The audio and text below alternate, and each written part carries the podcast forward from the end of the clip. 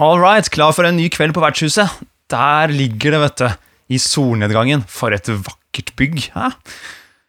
Ah, men hvor er Mikael, da? Hmm. Nei, jeg får gå og spørre dørvakta. Kanskje han vet. Uh, hei, du! Hei!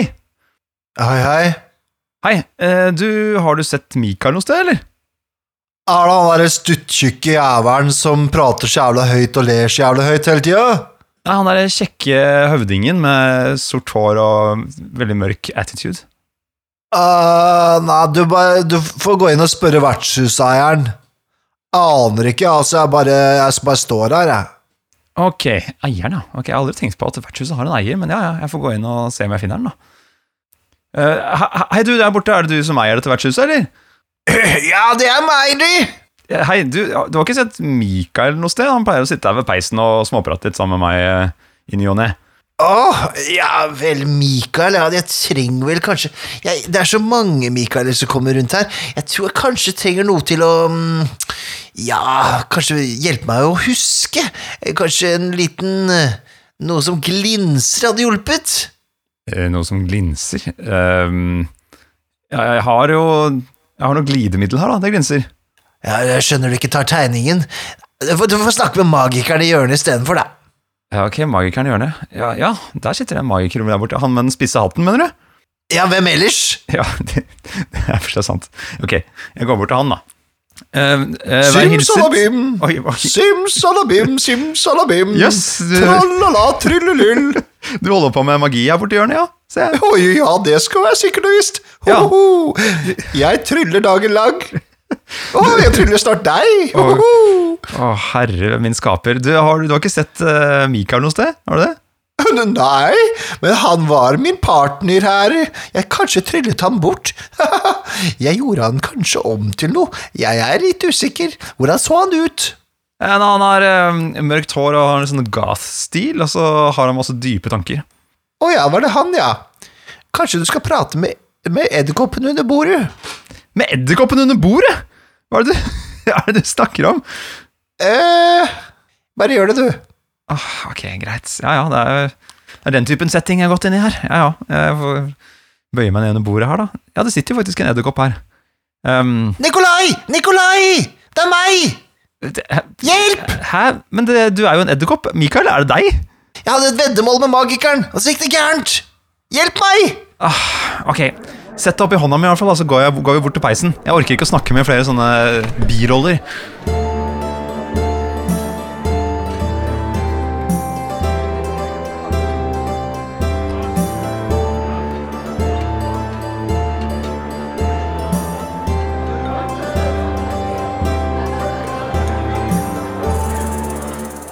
Hei og hjertelig velkommen til Vertshuset. Jeg er Nikolai Krogshus Strøm, og den lille edderkoppen her ved min side, det er Det er Mikael Lille Edderkopp Nei, altså, jeg, skal, jeg skulle synge den der Lille Petter Edderkopp-sangen, men så feila jeg faktisk. Jeg, klarte, Du dårlig. jeg angra meg midtveis. jeg dreit i det. Ja, det er meg. Mikael Stensen Solli.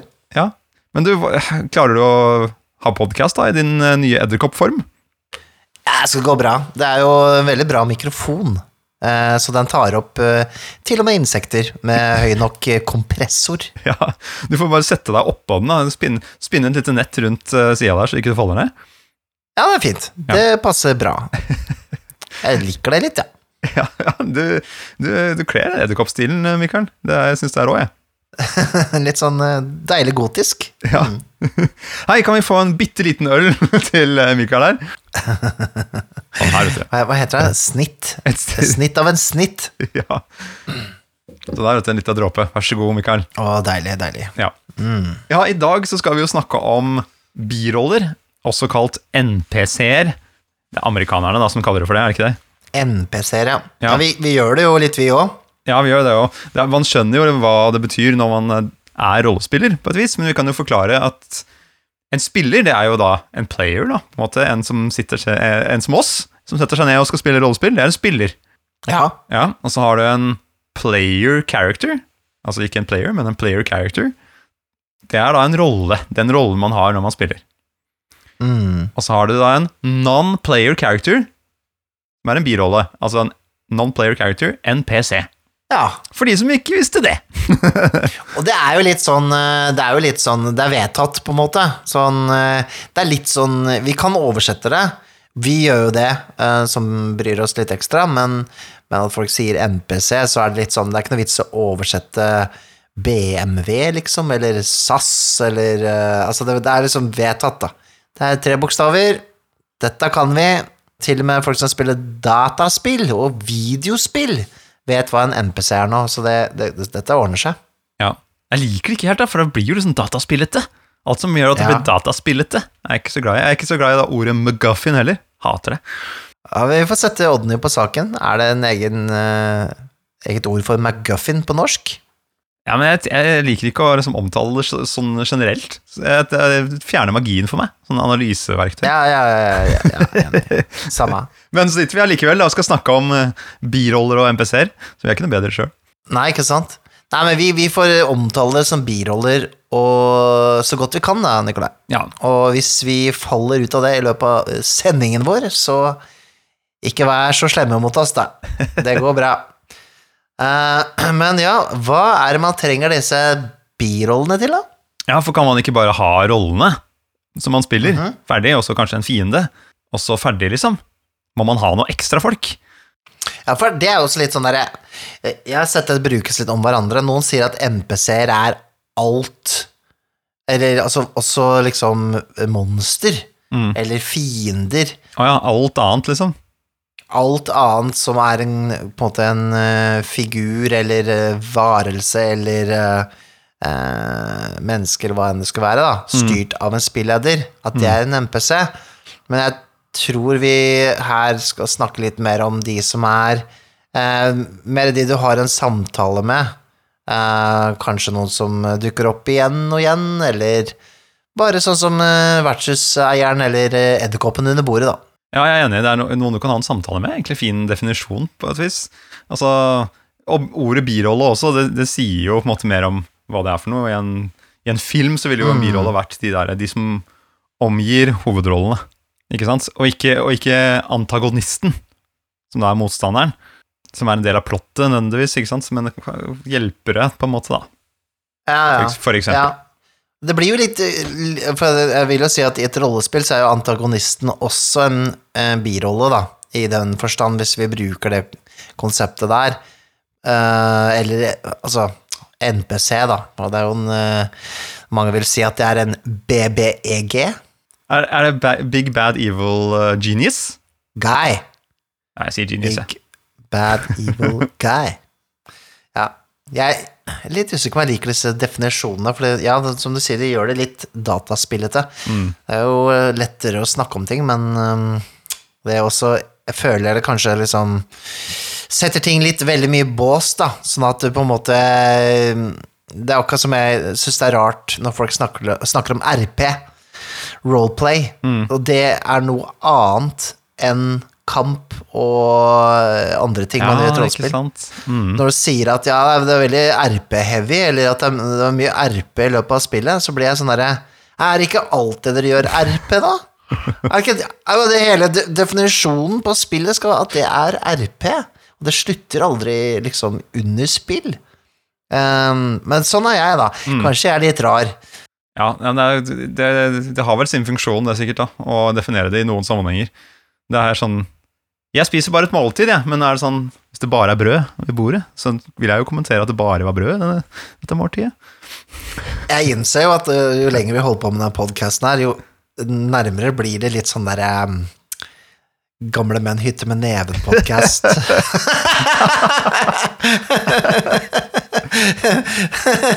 Vi sniker oss inn i den der eh, gamle gubbemodus her. Ja, ja, men- Eh, ja nei, det, det- er bare Dette får dere tåle. Unge folk som hører på. Vi skal ikke mase så mye på det, altså. Men eh, ok, hva trenger man biroller til? Hva er liksom Hvis du skal jazze litt grann rundt det, da? Jo, jeg, jeg tenker jo at en birolle kan eh, ha mange funksjoner i rollespill. Eh, Og vi kan jo gå gjennom litt forskjellig, da, men i hvert fall en av de er at det kan bare gjøre en setting eller et sted litt mer levende. Altså Ja. at du, du gir litt mer eh, kjøtt på beinet til et, til et sted. Da. Hvis? Hvis du går inn på en kro, og så bare sier du det er masse folk der, så er det liksom det en måte å si det på. Eller så kan du begynne å gi, gi liksom noen eh, små roller til de som er der. ikke sant? Krovertene har krøllete hår og store underarmer med tatoveringer på. Eh, det sitter eh, en fløytespiller i hjørnet der men, som ser ut som han har lyst til å komme seg opp på scenen, men han er litt for sjenert. Han, han sitter liksom og bøyer seg litt frem og tilbake der og ser nervøs ut. Det sitter noen dverger og spiller med terning og er høylytte ved bordet rett innenfor døra når du kommer inn. Det er sånn der det, De gir Da gir de eh, liksom liv til stedet. Og man kan da gå og tilnærme seg de snakke med de. De gir litt sånn derre uh, RP-mat, da. Rollespillmat. ikke sant? Du kan gå inn og Ah, shit, de dvergene, de vil jeg spille litt med. Ikke sant? Ikke sant? Da er man i gang. Ja, ja, ja, det er helt sant, det. Og, og det gir jo eh, på en måte Altså, hvis du skal se for deg dette som et slags sånn point and click-spill, da. Så er det jo litt sånn derre Du bare ser for deg liksom menyen fylles opp med forskjellige valg du kan gjøre. Eh, når du liksom hører at Å, der sitter de og spiller terninger og, og ljomer og, og Ikke sant? Du kan gå bort til de og prate, du kan gå bort dit og prate, du kan gå bort dit og prate, du kan gå bort dit og prate. Jeg skal ikke Altså, jeg, jeg drar deg inn på et lite sånn sidesprang her nå.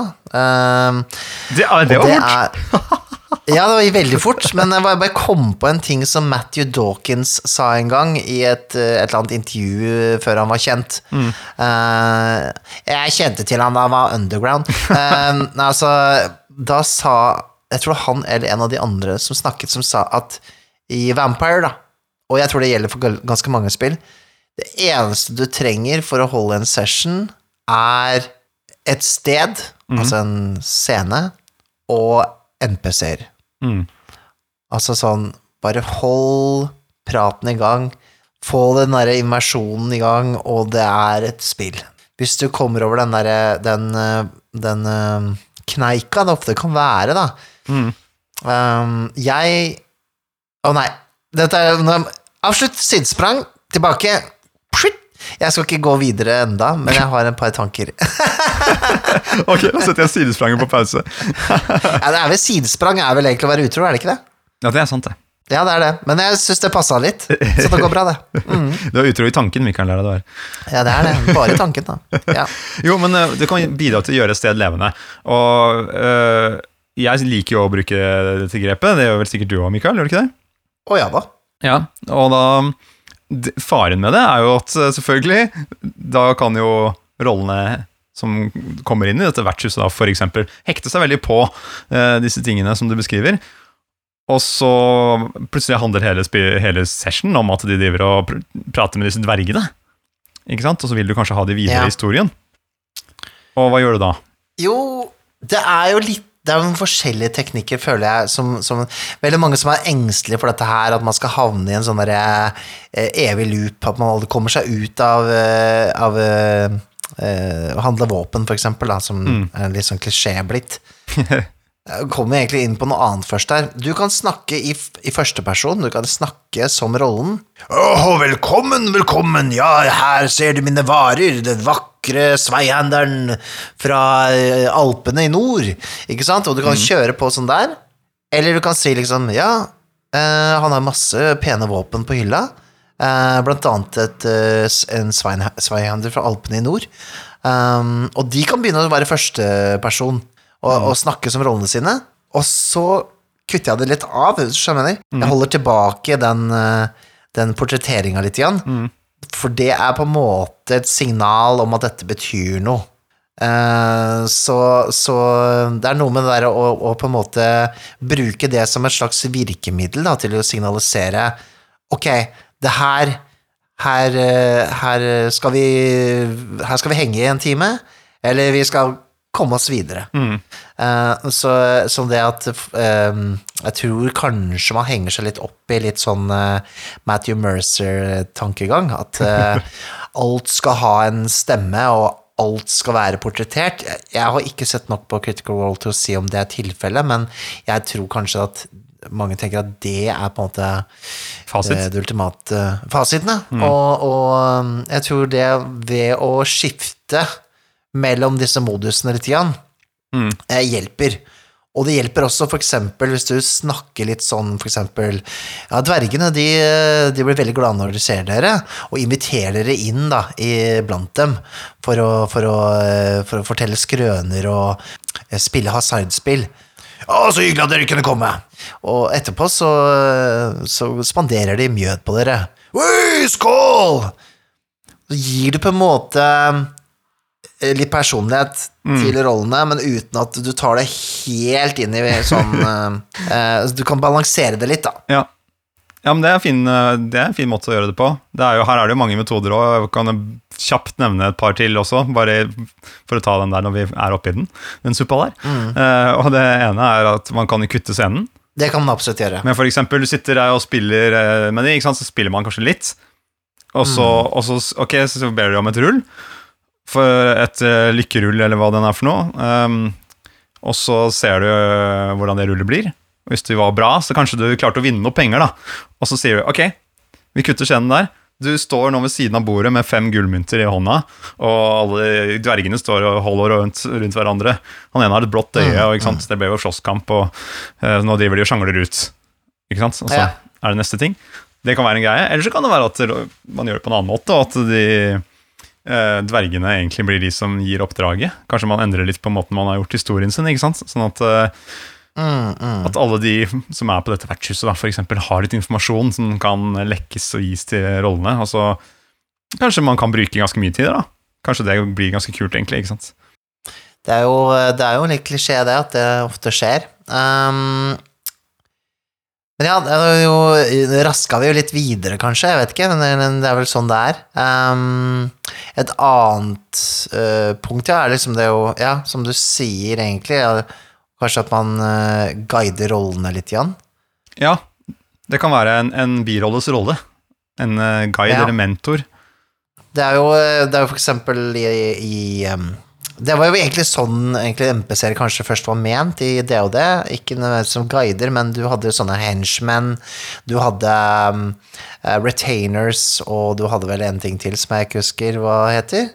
Men at du kunne leie inn NPC-er da, til å være med på oppdrag, og det var nesten Det var anbefalt uh, helt fra starten av. Uh, Første level-spilling, liksom Mm.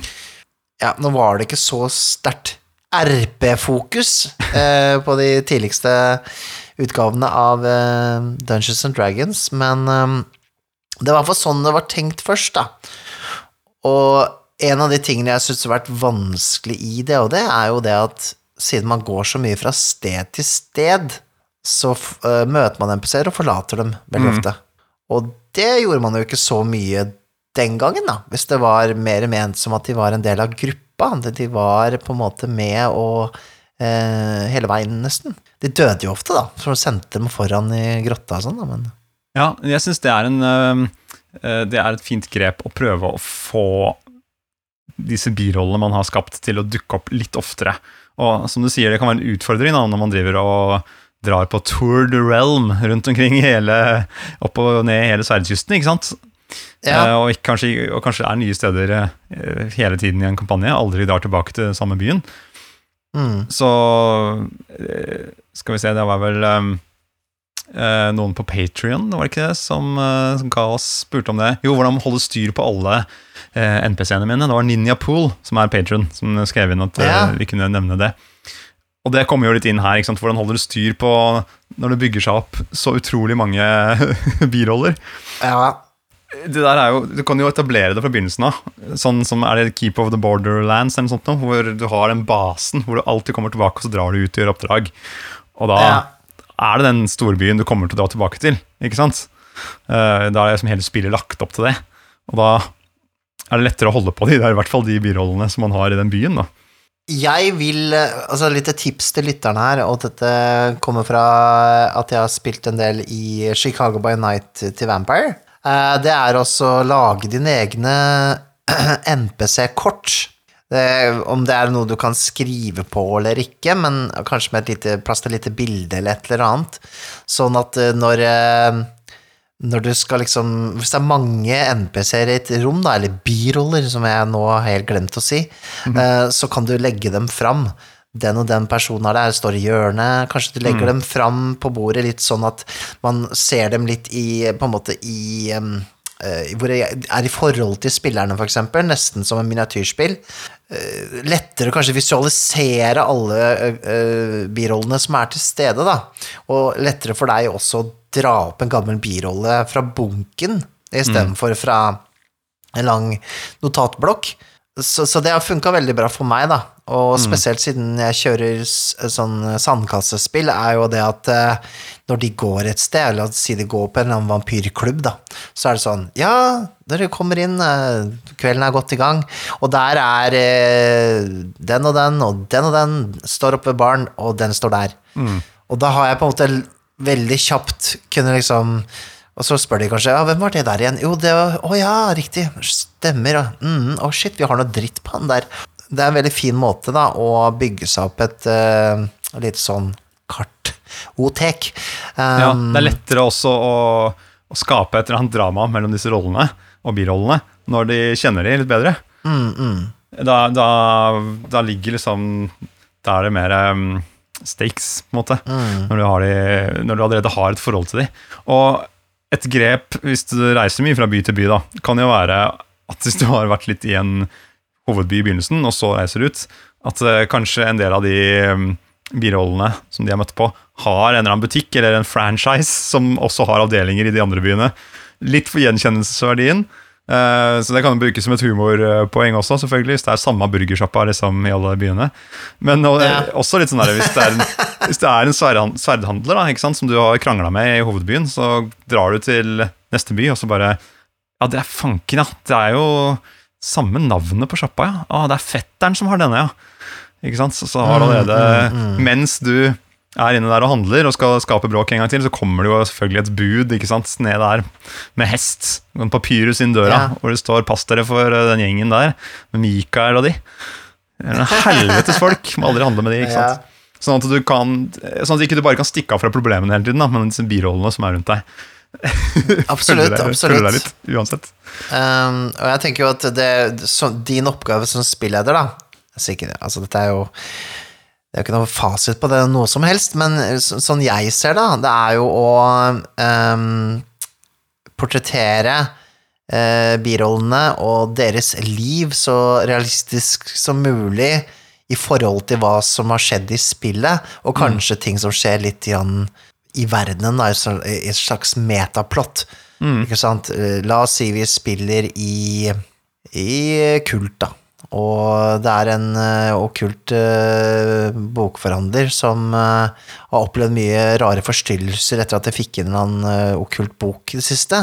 Som dere velger å la være igjen i den eh, bokhandleren. Kommer tilbake så til byen, eller seinere, så er den bokhandleren liksom en sånn ravende gal eh, person på gata som sier 'En er der! Ja. En er der!' altså, ikke sant? For å se at det har skjedd noe i mellomtiden. da. Ja, Eh. Livet deres har utviklet seg. Um, og den slags. Uh, så, så jeg tror man skal eh, bruke biroller mer um, Og du kan også bruke dem til litt sånn harde valg, ikke sant? Valgte å ikke redde hun der, og så ser du resultatet litt seinere, ikke sant? På Ja, ja, men det er vis. Veldig godt tips, og gjør, det ganske levende også. Og det, er jo noe man er vant til fra dataspill. Du kan alltid bare gå tilbake til akkurat den samme uh, sverdselgeren. Altså her er alt helt likt. ikke sant? Ikke sant? Altså, det sverdet som jeg ikke kjøpte den gangen, det kan jeg kjøpe nå, for det henger der fortsatt.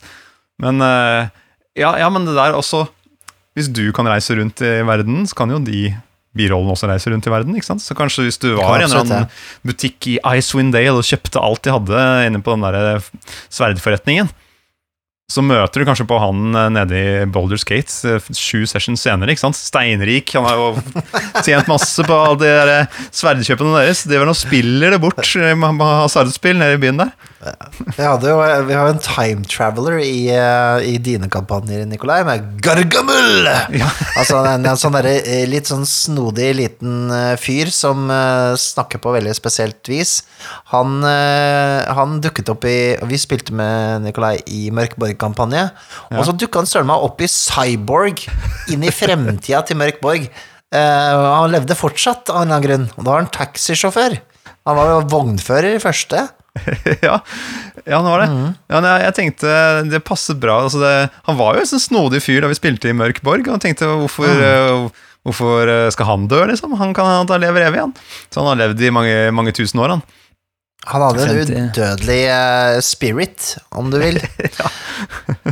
Det er første gang jeg har tatt en birolle mellom spill. Da. Det var ganske morsomt. Jeg syns man eh, kan være litt flinkere til å sette biroller litt til å være familie og litt um, Hva skal jeg si Du har jo en, en bakgrunnshistorie ofte.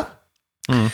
Og det å på en måte ha litt ansvar, eller det å på en måte ha noen slektninger, foreldre, barn, kone Den slags, eh, det kan være litt eh, spennende å ha med. Det gir en litt mer sånn derre Oi, shit, denne personen lever og lever et liv. Eh, alle disse tingene her som vi på en måte litt Jeg tror veldig mange kvier seg litt for. For det er veldig sånn Jeg, jeg kjenner meg igjen sjøl òg. Sånn der jeg velger å spille tyv. Og så er det sånn jeg, jeg er født opp, oppvokst på gata, jeg kjenner ikke foreldrene mine. Jeg er en ensom ulv som uh, vokste opp på barnehus. Ja. Uh, ikke sant? Og så er det sånn eh, bare fordi man orker ikke å deale med liksom Nei, nei, ikke sant. Jeg bare, alle ah, potensielle birollene. for du vet at spillederen bare kommer til å henge de i tau over en vulkan ikke sant, med en gang. Jeg vet ikke. Det er, litt, det er litt dumt, for man, man har så mye fint å spille på der, da. Ja, jeg syns det er et fint grep. Det er liksom, De gir et bindeledd til den verdenen nå, ikke sant? og de, de er med på å beskrive hvordan det er der. Mm. bare på måten de oppfører seg på. måten, Kanskje de har noen tradisjoner. ikke sant? Hvis det er foreldre, så kan det være de har forventninger til eh, den rollen du spiller, som man kan innfri eller ikke. Og ja, det liksom gir en ekte nærhet til den verdenen. da.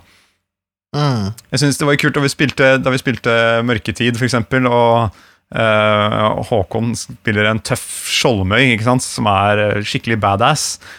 Men så har som en alenefar da, som smører matpakke når hun skal ut eh, i verden. ikke sant? Så det blir sånn der, Ja. mellom menneske, mellom menneskelig der òg, ikke bare brutalt. ikke sant? Mm, mm. Nei, jeg, jeg er jo vant til å spille litt sånn via Vampire, hvor, hvor du skal på en måte ha eh, sånne ankre, eller touchstones, som det heter. Sånne mennesker som betyr noe for deg, og som på en måte representerer en eller annen menneskelig ting, menneskelig egenskap, som du, du prøver å tviholde på. Sånn som for eksempel uh, kona til uh, rollen din, uh, Nikolai, som har fått seg en ny mann og kommet seg videre, og det likte ikke du noe særlig, så du likte å sabotere for han nye typen Ja, ja. hennes. Um, han ville vel egentlig at hun skulle ha det litt dritt. Du skal bare straffe meg, det er derfor du spiller med meg. ja. Og så, sånn, sånn er jeg for, for min del er veldig, veldig bra. Um, fordi da kan jeg på en måte sette roller opp i litt vanskelige situasjoner. For det er liksom Det er litt sånn som med film, da. Mm. At uh, hvis ikke jeg har noen eh, eh, noen grunn til å heie på helten, hvis ikke har, det har noen konsekvenser om man gjør det ene eller det andre, så, så blir jeg liksom ikke helt investert. Nei. Men hvis jeg ser at det på en måte har litt konsekvenser, det er noen familie, det er noe som står på spill her, det er litt viktigere enn bare kanskje den personen oppi den en stor verden, så, så, så med en gang så får det mer sånn Det blir mer livaktig, det blir mer em, Ja, det er mer eh, risiko, da, og det skaper med en gang mye mer passionate spill, om du vil. Ja, ja, det, det, det gjør det. Det, det gir motiv sånn ekte motivasjoner også, hvis man klarer å leve seg litt inn i det. Ikke sant? Om det er en liten bror man passer på, eller om det er eh, en eh, gammel flamme eller en familie, eller hva det nå er for noe. Så, eh, Eller en eh, alkoholisert far som man passer på at ikke eh, driter seg ut eller ikke mister huset. Ja, det er mange grunner til å dra ut på eventyr, da. Absolutt. Mm. Um, eller så, ja, ja MPC-er eller biroller er på en måte rollespillets salt, og som spilleder da, så tror jeg man må lære seg å hive seg inn i det. Um, jeg har vært i situasjonen hvor jeg syns det er pinlig å spille ut biroller. Tro det eller ei. Tror du det eller ei? Jeg tror det er ei. Jeg tror det er ei, Mikael. Ja, men det, det er faktisk tilfellet. Og den kneika må man prøve å komme over fortest mulig, da. Og da tenker jeg ikke sånn Matthew Mercer-style, at du må ut og gestalte rollen med vifting og alt mulig rart, men, men eh, ikke, ikke lage en tom verden. Skjønner du hva jeg mener? Mm. Den, må ikke, den skal ikke føles Eller hvis ikke det er rollespillet, hvis du spiller Wasteland, the role-playing game, så kanskje det er greia, men um, Da blir jo birollene du først møter på, da, desto mer viktig, ikke sant? Det er det. Ja, ja, det er sant. På så da gjør du deg selv en bjørnetjeneste. um, dette må vi komme over. Vi må spille ut birollene våre. Dette skal vi snakke litt mer om. Ja, altså Vi kan egentlig hoppe rett inn i det, da. Faktisk, Hvordan, Ja. hvordan du kan gjøre Bare noen små tips til hvordan du kan gjøre biroller levende, eller hva vi gjør, da. Hva gjør vi da, Nikolai? Nei, jeg, jeg bruker eh, stemmen på forskjellige måter, eller bruker dialekter, eller Ja, jeg bruker stemmen mye, da. Og manerer. Altså måter å bevege meg på. Det har jeg lagt merke til. Hva, hva gjør du, Mikael? Jeg tror jeg gjør litt begge deler. Jeg, jeg har vel, jeg har nevnt det før, jeg tror jeg har sånn typ tre-fire stemmer. Jeg har den gamle mannen. Ja, så det er jo litt vanskelig å komme seg fram her i dette føret. Eller så har jeg på en måte den oppstopperske, den er litt mer der. Det er nesten som en gammel mann, men du snakker litt lysere. Ja. Altså det er den her som Hva behager? Ja. Og så har vi han der som er litt mer gryntende, han nedi der. Han prater litt sånn. Eller så er det den med autoritet som prater litt sånn her. Mm. Jeg har, jeg har et par til, skjønner du. Jeg har også Jeg har kvinnen. Hun er litt mer sånn. Jeg bare prater litt mykere og litt lysere. Ja, ja, ja. Men jeg dropper eh, Jeg dropper aksent og dialekt og solekter så godt jeg kan. Mm. Fordi da henger jeg meg veldig opp i hvordan jeg snakker. Dette har jeg lært the hard way. Ja, ja, men det er kult at du har kasta deg på det likevel, da, og liksom testa det og funnet ut vet du hva, Hvis det kommer i veien, hvis det blir litt sånn åh, nå kjenner jeg at det stopper seg opp, så, så er det ikke noe vits. Da er det bedre å gjøre det på en litt annen måte, og finne sin måte å gjøre det på. da. Ja. Mm. Man trenger ikke flere enn de fire der, liksom, som du sier. De, bare de fire du tok der, kan man jo kombinere med uh, han, han, uh, han første der, han, han der som er litt sånn «Øh, Hei, jeg er litt sånn her på sida her. Øh, litt grufsete og grafsete. Men Ja, det kan jo være ja. den som er øh, øh, veldig rik, for eksempel. Eller veldig nasal. Eller man kan liksom eh, gjøre en liten tweak på den. da. Ja, jeg tror du tenker litt mer over det enn det jeg gjør. Jeg tror jeg, jeg visualiserer en NPC, enten via et bilde eller via teksten som står der, og så, og så popper stemmen ut der og da. Jeg er ikke sikkert jeg er konsekvent eller sånt, at den er lik neste gang jeg spiller. Um, men, men det gir iallfall inntrykk Jeg tror det viktigste med, med en birolle, og at du bruker stemme, er at du, du sier fra nå snakker jeg som den rollen. Um, og om den er perfekt eller uperfekt eller hva enn det er, det har ikke så mye å si, men da er Dette kommer fra munnen til den du snakker med. Um, og ikke liksom i tredjeperson uh, spilleder uh, snakker. Ja. Um, Jeg syns det blir mer levende når man snakker som rollen, ja. Som birollen. Definitivt. Definitivt. Og ja, jeg, tror jeg, jeg, tror jeg har sikkert flere triks, altså, men det føles som jeg gjentar mye av disse stemmene, da. Og det syns jeg er greit. Um, Men du, en ting som jeg også har oppdaget. Du kan bruke samme stemmen, eller som du sier, da, noen få variasjoner. Men hvis du gir Mhm. birollen en ambisjon eller motivasjon eller en frykt eller en nykke, et eller annet i tillegg, så, så endrer det manerismen, altså måten den uh, birollen er på. Ikke sant? Det Ja. kan være uh, at den bare jeg kan, jeg kan bruke et eksempel, da. mhm.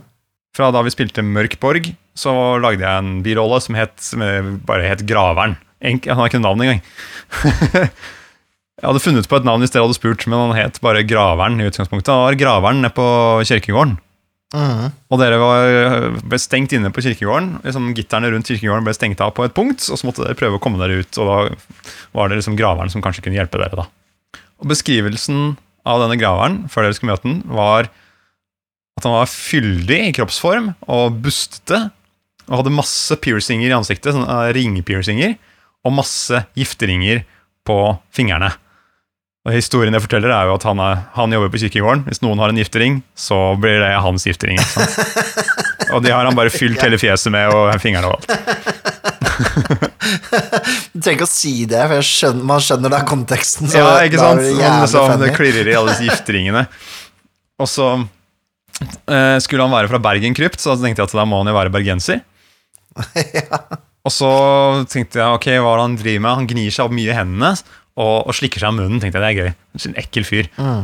Og så bare har han noe sånn der, Jeg gir han en liten sånn frase som han kan si når jeg, eh, når jeg må tenke litt. Og det er bare at 'ingenting er tilfeldig', nei, ingenting er tilfeldig. Fantastisk. Som bare er en sånn eh, hvilefrase han har, som gjør at han også kanskje blir At dere kan huske han litt. Han, han der, ah, han har noen sære greier gående. Og så ga jeg han bare Ofte så skriver jeg bare motivasjon, kolon, eller bekymring, eller eh, eh, frykt, kolon, under sånne biroller. Og noen ganger så fyller jeg ikke inn noe der. Fordi jeg bare putter det inn som at jeg skal huske at jeg bør fylle inn noe. Mm. Men her var, med hans er motivasjonen gull eller rikdom, da, ikke sant? Så han vil jo prøve å lokke folk ned i gangene på kirkegården, sånn at de blir tatt av diverse monstre der nede. Så kan han komme og samle Ja, sammen ting etterpå, ikke sant? Og, og bekymringen hans er eh, den eh, skumle kardinalen som eh, slår ned på all umoral som han er full av, ikke sant? Ja, ja, ja. Og da har vi plutselig, med, med alle disse tingene, da har man jo ganske avrund... Eller sånn, det er, det er mye å ta da, med denne birollen, plutselig. Mm. Så med en gang dere begynner å interagere, interagere med rollen nå, så, så blir det jo enda mer. ikke sant? Så da, da kommer alt det her i bruk, og kanskje endrer seg litt. Hvem vet? Ja, absolutt. Men det er jo sånn typisk, da, at vi- da, da blir jo det når vi møter deg, da blir jo det en det blir scene som varer litt, da, for vi har jo lyst til å integrere, prate litt med han her, for det har så mye personlighet. Ja, ja, ikke sant? Så da må man ha tid til det, da. Man må ha tid til det, da. Ja. Så, men, men veldig godt poeng det med å skrive ned kanskje en liten frase eller en liten ting de gjør som, som eh, eh, differensierer dem da, fra andre. Mm. Jeg jeg er ikke sånn der eh, som øver foran speilet før jeg skal spille-type, så, så det der blir liksom litt til underveis for meg, da. Mm. Men det her, var jo, her hadde jeg putta inn mye ting, da. Det er jo en lang liste, ikke sant? men man kan plukke én av de, eksempel. Altså, hvis det er en rolle du finner på i farta, så kan man liksom bare Ok, hva er greia? Eh, den, eh, denne rollen er sjenert. Det er Sånn hjelper meg veldig, da, i hvert fall. Og det her var jo også noe som eh, Ninja Pool, en av våre patrons, spurte om også på Eller kom med forslag til, da. Var liksom Hvordan man kan man bruke eh, Kan man skape levende biroller uten å bruke dialekter? Eller stemmebruk. Og det, det er sånne ting som det der. Gi dem en hobby, eksempel. Jeg elsker å brygge øl. Ok, det er alt du trenger, så kan du spinne videre derfra. Du er drittlei av livet, drittlei av alt. Når du kommer inn eh, til denne birollen her og skal kjøpe en, eh, et brygg, en, eh, en healing potion, så er det bare, kommer du inn og så bare merker du energien med en gang. ikke sant? Alle har møtt på en sånn type som bare Nei, ah, kommer det folk nå? Ah. Ah. Ikke sant? Trenger ikke dialekt for å være den personen, men det er liksom veldig nei, nei, nei, nei, nei. Og det går an å, går an å si bare liksom Å, den, denne personen virker veldig lite interessert i chit-chat og, og er bare oppgitt over at dere kommer. Mm. Ikke sant? For å gi den en sånn personlighetstrekk via forklaringer også. Mm. Så du tar, du tar det ut så langt du er altså, komfortabel med. Ja. Ehm, tenker jeg. Ehm, men jeg syns det er vanskeligere egentlig å forklare hvordan folk snakker og ter seg, enn å faktisk bare gjøre det. Ja. Men det er meg, da. Ja, men det, jeg også eh, har det sånn. Ta meg mer hjernekapasitet og energi og sitte og forklare det, istedenfor å bare vise det, på en måte. Ja. Du har forresten hatt eh, god suksess med å spille veldig imøtekommende og hyggelige biroller. Fordi det er ingenting som gjør spillerne mer nervøse enn å møte på en sånn type. Fordi de tenker her, her er det noe muffins. Her er det noen som prøver å lure oss, eller noe. Ikke sant? Her er det som skjules, ja. Ja, det er et eller annet jeg har gjort det liksom et par ganger, og det, jeg har ikke sett mer nervøse spillere enn de gangene. Bare sånn Hei, hei, hei, bare kom inn, sett dere ned! Ah, Vær så god, her har dere noe skinn dere kan sette på. Og så hyggelig! Så, så hyggelig skal vi se. Ikke vær så hyggelig, da. det var det. Ja.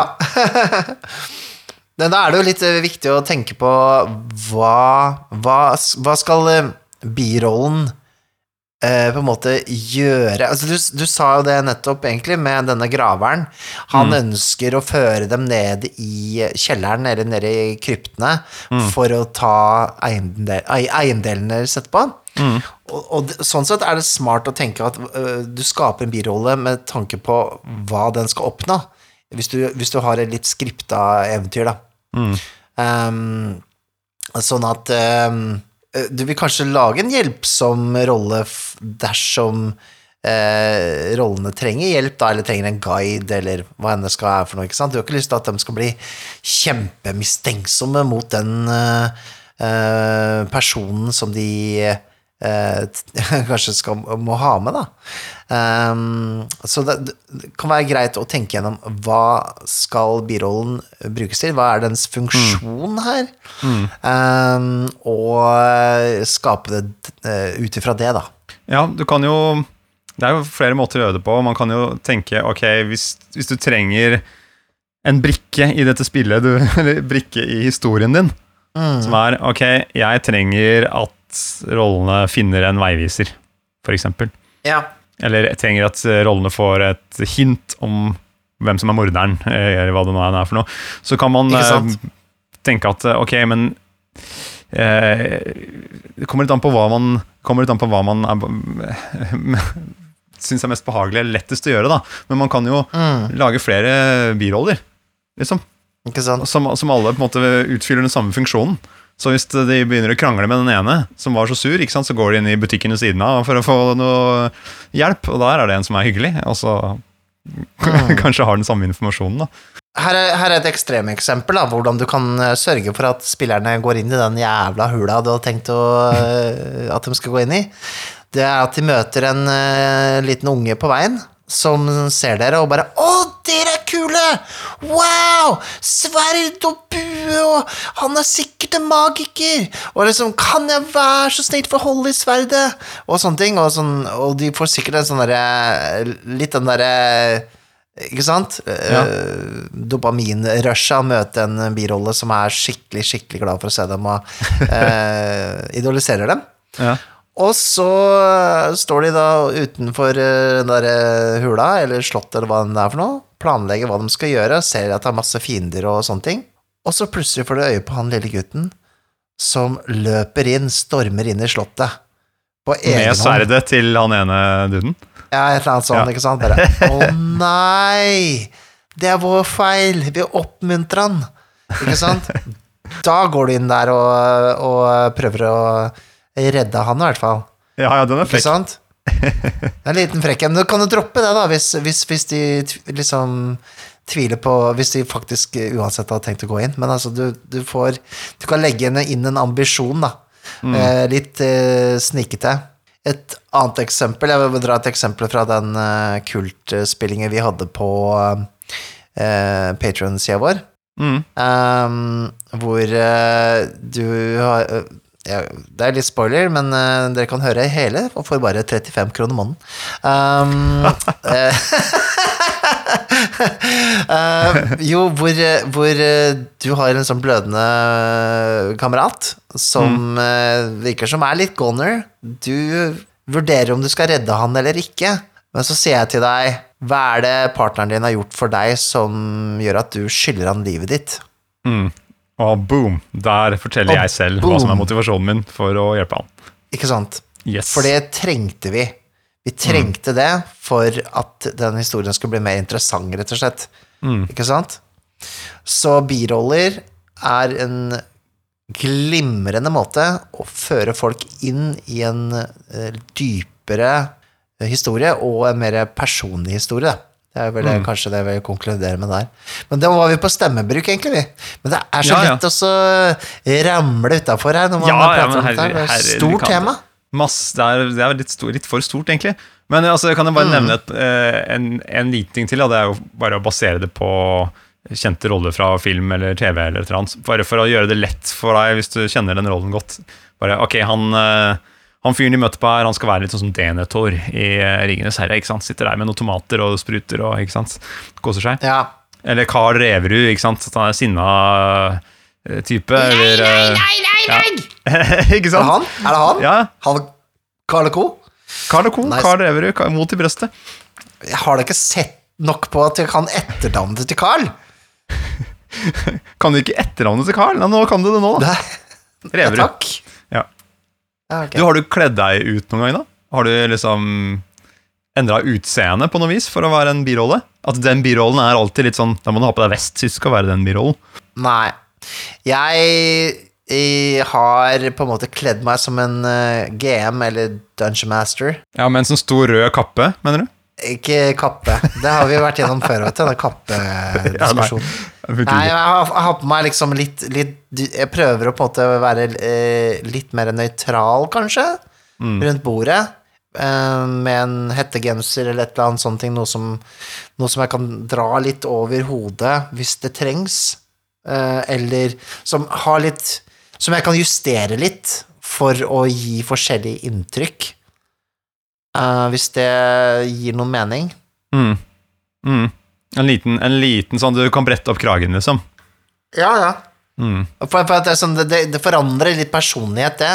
Å Hette over huet, øh, åpne skjorta litt for å være litt sånn brysk, eller altså Og det å ta den helt opp inntil, øh, inntil halsen, ikke sant? For å være litt øh, oppstopper.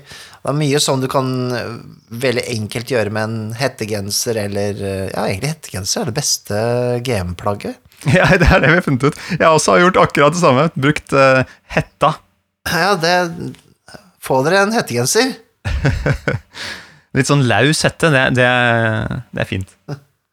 Et eller annet. Ja, det, det var rart det skulle bli det mest originale tipset i dag. Hettegenser. Ja, jeg brukte jo også i forrige kampanje mm, megafon Ja, som en sånn eh, det er fordi Det trenger man vanligvis ikke bruke, da. Nei, det var ganske jævlig. Åh, jeg er glad ikke det var til altfor lenge. Men det var ganske effektfullt, fordi det var litt sånn at jeg tenkte vi må ha litt eh, highs and lows i spillet. At eh, det er flere opplevelser som, som oppstår når man spiller. Og det at det plutselig kommer en uh, fuckings gigantisk maskineri av, av, en, av en rolle da, rundt eh, et hjørne og bare Ikke sant? Ja. I sånn, med sånn megafonlyd. Det er jo helt jævlig. Da, da får man litt høyere puls, liksom. Da, da er det en it's on. Det høres ut som det hadde gått i lære hos Thomas Mørkeri, egentlig. ja, ja, kanskje det. Ja, Uh, ja det er ikke dumt, ikke dumt. Um, jeg, jeg er litt sånn bekymra for å prøve å, å bruke sånn stemmeforvandler og sånne ting. Det er sånn Åh, det er um, det er veldig fristende i rollespill å finne masse andre ting eh, for å heve rollespillet, og ikke heller ta det ned på der det kanskje bør heves, hvis du skjønner. Kanskje man skulle konsentrere seg mer om å portrettere biroller enn å kanskje kjøpe seg en sånn stemmemaskin som gjør om stemmen til en pipestemme, eller hva enn det skal være, da. Eller liksom ha full røyk og musikk som forandrer seg hvert femte sekund, ikke sant. Altså, det er jo Jeg er jo skyldig i dette her sjøl, men, men eh, når alt kommer til alt, så er det jo en hobby som krever et bord, to til åtte spillere, altså. Mm. Ikke sant? Det, det er der basisen ligger, da. Og hvis Ja. ikke den basisen er god, så så blir det liksom å pynte på en bæsj. Hvis det var bæsj i utgangspunktet, si. Ja, ja, men nei, det er alt, alt, eh, alt til sitt bruk. Det, det her skulle jo Akkurat her var jo megafonen en gimmick. Hvis det her skulle vært noe som Ja. jeg, Jeg hadde ikke brukt det hvis det var noen som dere skulle um, kommunisere mye med.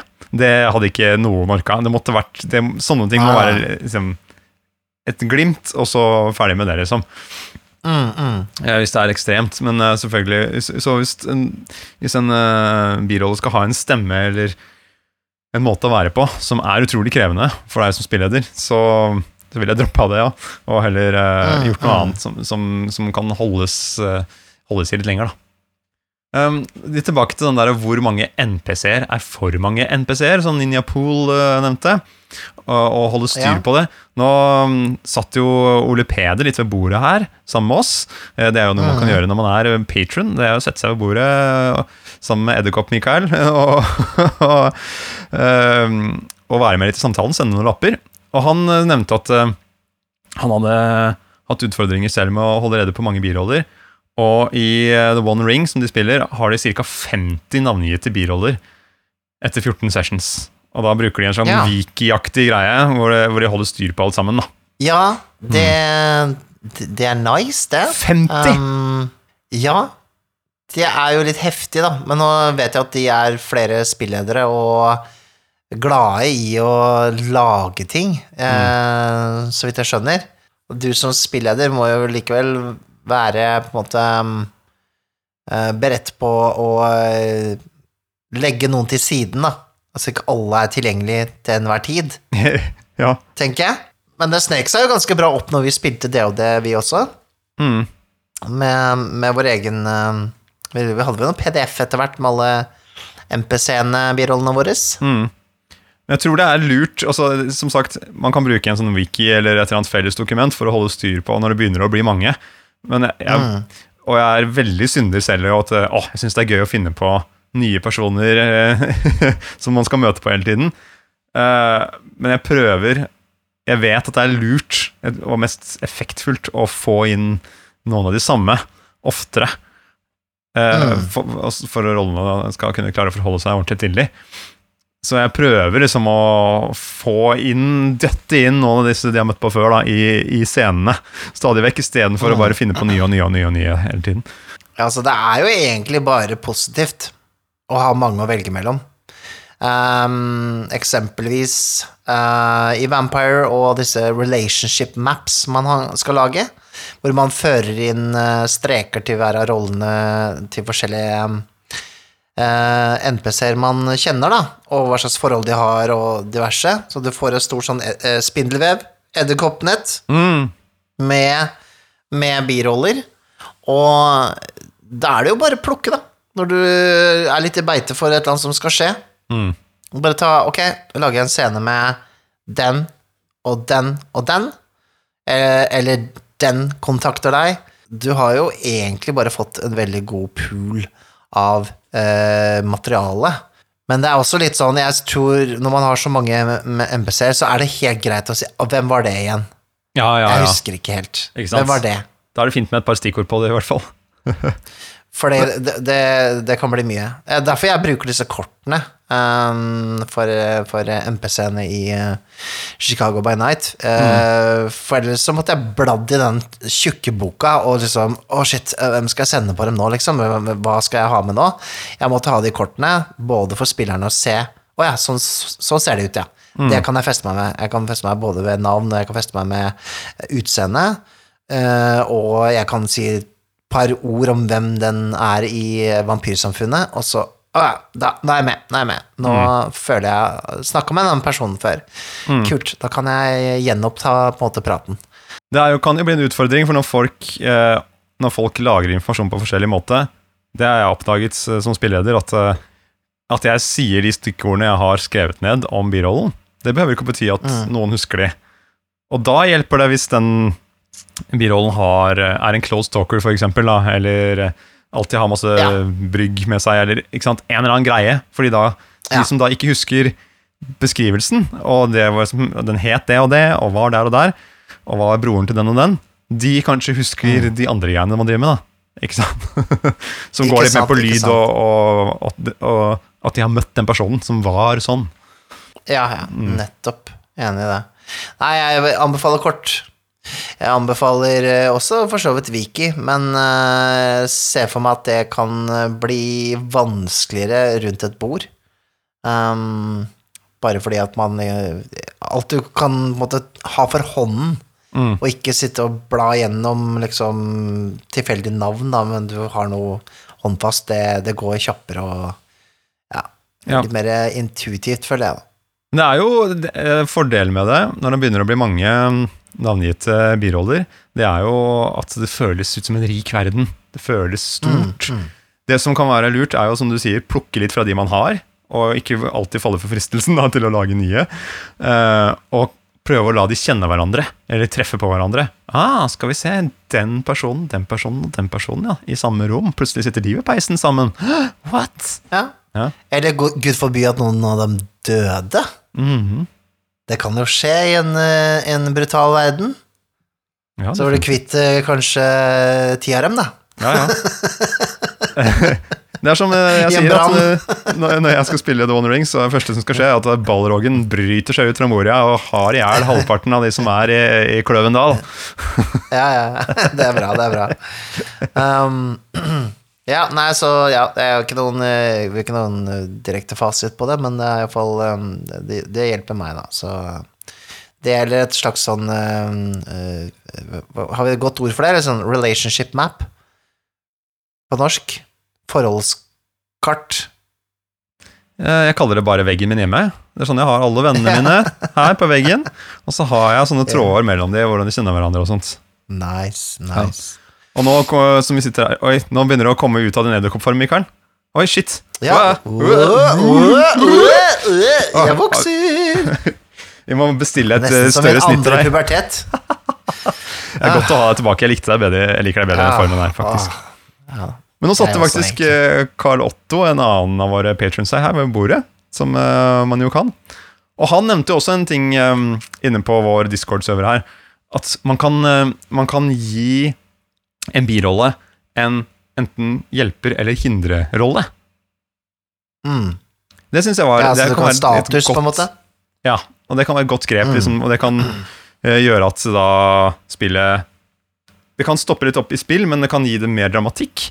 Eller det kan guide rollene med på veien, ikke sant. Så du kan bare Ja. notere det ved siden av denne rollen som du skaper der og da. De går inn på uh, vertshuset for å få seg en øl, og bartenderen bak der hindre, ikke sant. Han er en fyr som ikke vil det så godt. Han liker ikke de folkene her lømler som kommer til byen. Ikke Prøver å skjenke de. Han heller noen sterke saker oppi ølen deres, ikke sant. Få Ja, ja, ja. ta penga deres og dra dem utafor byen. ja, du kan jo fargekode kortene dine, hvis du vil. Ja. Så sånne type ting.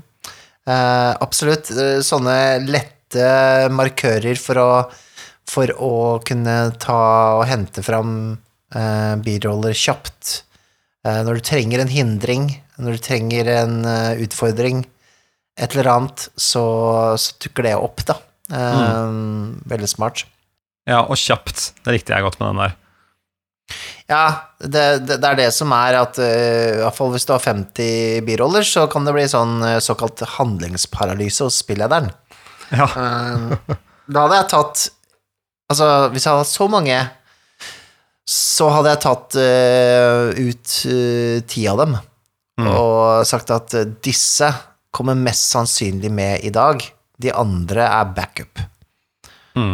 Så, uh, eller hvis de andre spør om å møte dem, da. Så de Mm. kommer ikke til å dukke opp i dette, denne sesjonen. Ehm, da slipper du iallfall å bli helt stressa. Eller så kan du bare bade i det. Bare, det er fest i byen. Alle 50 birollene er på torget. Det er årlig orgien i byen. Bare få det unnagjort. Fader heller. Rart opplegg, det der, altså. Eh, en annen ting Ole Peder nevnte her, var eh, hvordan, kan du, hvordan sjonglerer du når eh, biroller snakker med hverandre? For det dukker jo opp innimellom. At man sitter der Ja. som spilleder, har introdusert noen biroller, de sitter der i rommet sammen med rollene, og så trenger du at de birollene snakker med hverandre. Hvordan gjør du det? Det Jeg vet ikke hvordan jeg gjør det, men jeg gjør det. Mm. Og det er eh, Men da har jo kanskje scenen eller annet formål, da. Eller, eller jeg kjenner birollene veldig godt. Uh, hvis jeg har krangling mellom to, uh, to vampyrer, da, så vet jeg jo veldig godt at eh, prinsen eh, Venture-prinsen har liksom eh, tatt han andre i å lyve og skjeller han ut for eh, hoffet for å rakke ned på han sånn at liksom han skal miste status blant, mm. blant hoffet. Ikke sant? Og så reagerer jo den andre NPC-en da eh, slik jeg tror, da. Så det, men dette er en sånn hjernegymnastikk som på en måte kommer litt igjen med øvelse. Ehm, og det Men jeg prøver, da, og det her er litt viktig når man gjør det, at man ikke lager et sånn teatershow for spillerne. Mm. Det gjør jeg ikke lenge. Det er mer for å illustrere hva, hva skjer nå. Mm. Og sånn, ikke sant? Nei, men, men eh, jeg har jo sett sånn, Jeg syns du gjør det der bra. Og du Jeg tror du ofte gjør det som en sånn cut, cut scene, på et vis. Nå Ja. skjer dette. Du kommer inn, dette skjer. Prinsen eh, får sendt denne andre vampyren av gårde som en fange. Og så er det en liten sånn vi alle observerer, og så agerer vi, ikke sant. Ja, og de gangene jeg har havnet i dette her selv, hvor jeg sitter og plutselig jeg, jeg, jeg føler at jeg er ikke like god til å stå i det, fordi jeg føler at jeg har feila litt de gangene jeg står og liksom snakker med meg sjæl foran alle sammen. så jeg prøver å holde det så kort, veldig, veldig kort, da. Man må bare ikke miste, miste synet av på en måte, hva er det du gjør. Um, hvis det blir for å holde teater foran eh, spillerne, uh, som drar ut, så er det jo dølt. Uh, men uh, hvis, hvis det er for å gi dem noe bakgrunnsinformasjon, gi dem et hint om at kanskje her går det an å grave litt, her går det an å få til noe gøy, ikke sant? Separere dem, eller gå på den enes lag, eller ikke sant? uh, utnytte den situasjonen som foregår. Så er en sånn samtale egentlig kjempeinformativ, ikke sant? Om den er kort, da, og ikke kjeder de som hører på. Mm. Så jeg vil eh, Jeg har egentlig ikke så store problemer med det. En ting Å, Her er jo en litt eh, funny ting. Um, da vi spilte vår første Vertshuset spiller-serie, mm. da spilte jeg som spilleder også en birolle som var med dere, så å si, hele tiden. Ja. Eh, som liksom et, en, en trio. Fordi vi mangla vel egentlig en kalles det igjen? Det har jeg sett mange beskrive. Er det et, et eller annet sånn derre player, player NPC? Et eller annet. Jeg vet ikke. Jeg har, har ikke sånt navn. Ja. noe navn for det. Er det det? Men det, det, det kan være en veldig fin måte å, å Altså, ikke, en, ikke som en sånn Deus Ex-makina som på en måte Å, her er, her er den hemmelige døra! For det, det er jo kjedelig. Men en som Ja. kan på måte gjøre at Iallfall når det er få spillere, da, eh, kan på en måte være litt partner. Spesielt i spill hvor spillerne er litt um, uerfarne, kanskje trenger en, en ekstra hjelpende hånd med å spille ut rollene sine. Så kan det å ha en sånn GMPC, ja. ja. GMPC. Det er jo det det heter. Ja. Det var en liten eh, digresjon på en måte, men, eh, men det er jo litt i samme ånd, da. Eh, Det er et grep, da. Det kan brukes, Det grep. bruk det med måte, tenker jeg, men er, jeg synes det, er, det, det kan være et ganske fint verktøy å ha for å guide spillerne av gårde uten å på en måte være en tredjeperson, en spilleder, men heller på en måte du, du putter deg selv inn i situasjonen og kan være i rolle, du også. Mm. Og dermed kanskje eh, inspirere til mer eh, rollespill, da, hvis du føler at det trengs. Ja, ikke sant. rolle. For, som sagt, vi vil jo ikke gå rundt i, et, eh, i en ødemark. Vi vil gjerne ha noe som skjer, noe, noe levende som skjer rundt rollene. Jeg har Mm. spilt litt for mye DOD hvor jeg føler vi måtte, må lage moroa sjøl. Eh, som, som, uh, som spillere, og, og interagere veldig mye med hverandre for å måte gjøre det levende, for at spilleder bare kommer med landskapsbeskrivelser og, og kanskje monstre en gang iblant, så, så syns jeg det å ha med en, eh, en, en NPC spilt av spillederen på tur, det, det hjelper jo. Det kan være væpneren, det kan være en innleid hjelp, eller det kan være for all del en kobolt som er snill og vet veien til målet. Ja, men det Eh, er fint, en Gollum-style. væpner-typ. ja, litt sånn eh, For det, det har jo noe å si statusen til denne denne GM-PC-en. Hvis det er en som er utrolig mektig og egentlig bare hopper inn og, og dreper alle monstrene sjøl, så er det litt sånn Ja, det er jo litt kjedelig, da. Ikke spillerne får gjort noe, fordi spillederen skal være helt rå. Jeg ser Ole Peder har også gitt oss et, en litt annen, et litt annet punkt. eh, og det er outsource NPC-er til spillere som ikke er i scenen. Og- Ja, Der Der Jeg syns det er en god idé. På papiret. Mm. Men jeg jeg har aldri på en måte implementert det selv. Fordi jeg Nei, jeg elsker også grepet, men jeg, s- syns det er eh, utfordrende, ja. Jeg også. Implementere det. Det er ikke bare utfordrende, nei, men det er på en måte liksom Jeg har aldri opplevd at spillerne har noe særlig lyst til det. Oh, ja, nå er det kanskje litt annerledes, uh, altså den, de, de jeg vanligvis spiller med, da. Um, eh, spiller ikke sånn, da. De vil gjerne ha den derre immersjonen, kanskje, og de vil ha rollen sin. De vil Mhm. liksom ikke ha ansvar for en rolle til, nødvendigvis. Ehm, og, og det tar dem kanskje mer ut av scenen enn å bare liksom eh, observere, da. Mm. Uh, for, det, for det er en litt sånn ting som, som fort, for min del, da, kan ta meg ut av, av liksom den illusjonen om at dette er en levende verden på et eller annet vis, da, når jeg plutselig spiller uh, billettkonduktøren. Mm. Um, Ja, nettopp. Du, du, du, du var dypt inne i det, på en måte som din rolle, og så plutselig så ble du kasta inn i noe annet, og så, og så er det helt herpa. Helt ødelagt for deg. det vet jeg ikke, men jeg, jeg bare jeg, Så å si aldri hatt et behov for det. Um, da kutter jeg heller kjapt mellom scenene hvis det, folk er veldig utålmodige, Mm. uh, enn å, enn å gi det ansvaret bort til andre, da. Ja, jeg prøvde det litt i forrige kampanje vi spilte dit. Fordi, altså det, var, eh, det er vel første gang jeg tror jeg har gjort det. Og jeg syns Da fungerte det bra, men jeg gjorde det fordi det var en stor gruppe. Og jeg var litt sånn derre Shit, jeg har lyst til å prøve dette verktøyet nå, fordi stor gruppe kan, Jeg er redd for at de skal kjede seg, da. Ikke sant? Og det- ja. det tar litt lengre tid når man skal ha noen sidescener, ikke sant. Og da var det litt sånn der Det var en som møtte på en gjeng han var med da han var yngre. Møtte på dem igjen. Og da var det litt sånn Mm. der Ok, gjengmedlemmene er dere, dere andre som ikke er med i scenen. Dere er nå de som er i gjengen, Mm. ikke sant. Vær de.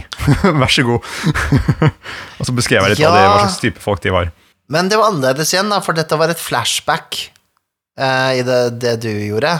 Men hvis det hadde vært noe som foregikk nå, eller sånn handlingen i dag, så hadde det vært annerledes.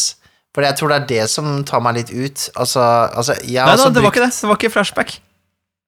Nei, det var ikke det, kanskje. Nei, det var ikke det. Jeg tror eh, Jeg tenkte jeg kanskje jeg skulle bruke det i flashback òg, men jeg brukte det der og da. Det gjorde jeg faktisk. Ah, ok.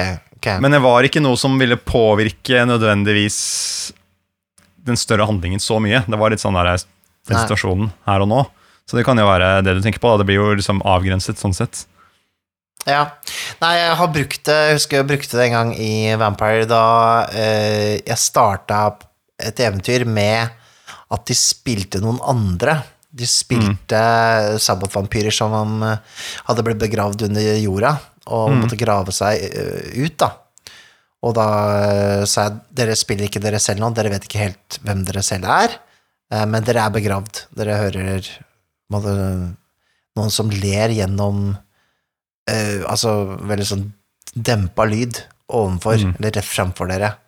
Og så, sant, så begynner panikken å sette inn når liksom lufta går tom, og så prøver å bryte seg ut av kistene sine under bakken, ikke sant. Mhm. Så bare for å illustrere, da, den andre siden av, eh, av eh, gresset, holdt jeg på å si, eller av Ja, ja, ja. gjerdet.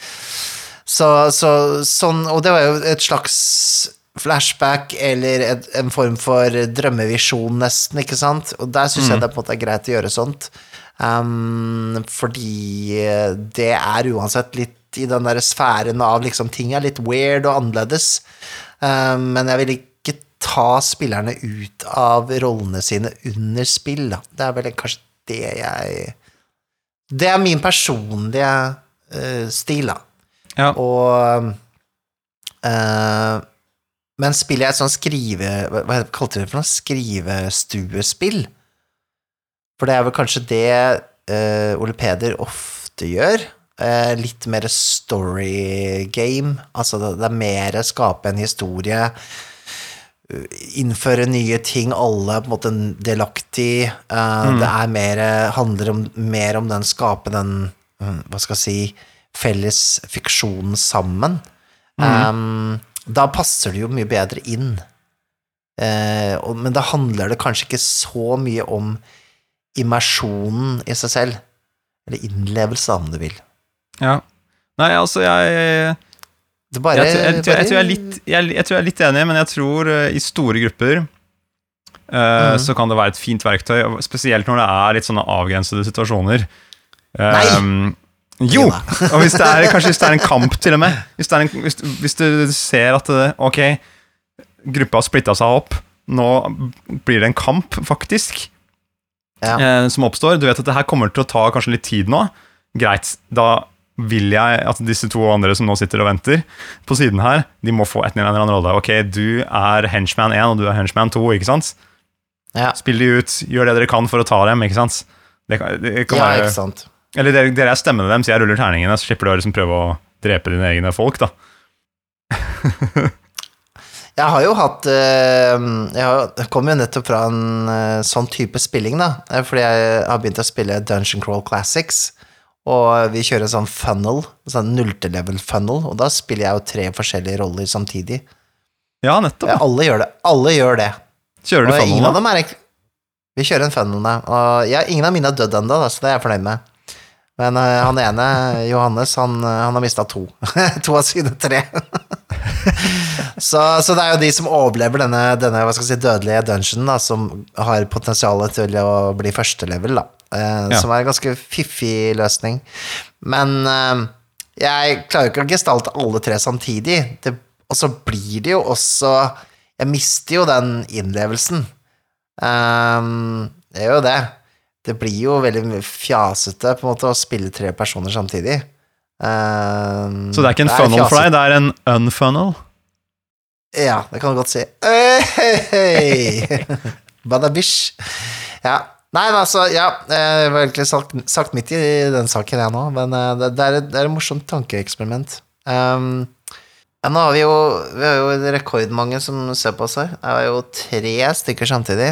Ja, det er helt fullt rundt eh, bordet her nå. Veldig hyggelig. Her sitter jo både Carl Otto Christoffersen og Ole Peder og sir Galrim rundt her sammen med oss. Jeg sitter her sammen med oss og klunker med glassene sine. Jeg ville ta opp en, eh, en siste ting her som jeg syns er litt uh, greit å få med. Eh, det å kunne bla fram tilfeldige eh, biroller i farta, der er det mange fine verktøy der ute. Um, det finnes jo sånne random NPC-bøker. Eh, jeg tenker kanskje de blir litt vel avanserte. Um, men det å ha noen tabeller å bruke, for eksempel Mm. Vi har sagt ting, da, som er viktig her. Vi trenger kanskje eh, litt utseende. En, en tabell med litt utseende, forskjellige liksom, eh, ting vi kan hekte på der. Mhm. Trenger kanskje noen klær. Klær, kanskje. Yrke, kanskje, en tabell. Og så trenger vi en eller annen eh, eh, quirk. En eller annen ting som du kan hekte deg ved. Uh, hvis du har noe sånn som du kan kjapt uh, rulle opp, eller uh, Det fins jo også noen fine sånne nettsider hvor du kan uh, Du kan bare lage eh, trykke, og så får du ut en eh, NPC fort og gæli, og så kan du trykke flere ganger hvis du er misfornøyd. Um, alle sånne hjelpemidler er fine å ha, uh, Ja. vil jeg si. Ja, for, for Det går an å sånn bruke de i forkant òg, liksom bare klikk, klikk, klikk. Print, print, print, Ja. så har du noen.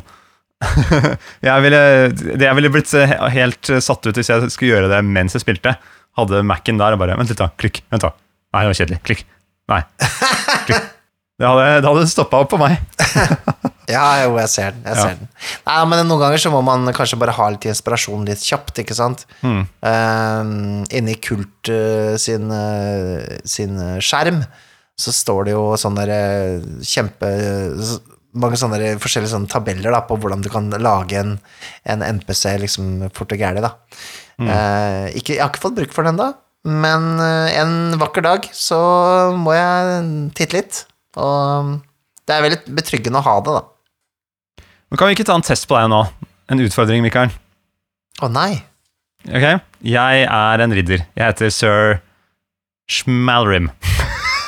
Sir Schmalrim. Og jeg driver og går nedover gata her nå, i eh, denne byen som jeg er i. Mm. Og du er spilleder. Og jeg går bortover, og så merker jeg at uh, fanken, banneret mitt har jo blitt uh, Det har blitt mange revner og rifter i den. Nei, fy faderen. Jeg går inn til den skredderen her, jeg. Jeg går inn der nå. Jeg svinger hardt til venstre. Bum, bum, bum. Kommer inn til skredderen. Der sitter han. Hei, hei du! Du bak disken der. Jeg, nå, ble, nå ble det altfor mye press. Ja, hallo. Ja, ja, hallo? Du trenger ikke å fare så fælt inn her, da. Det er jo Jeg hørte det med første bank.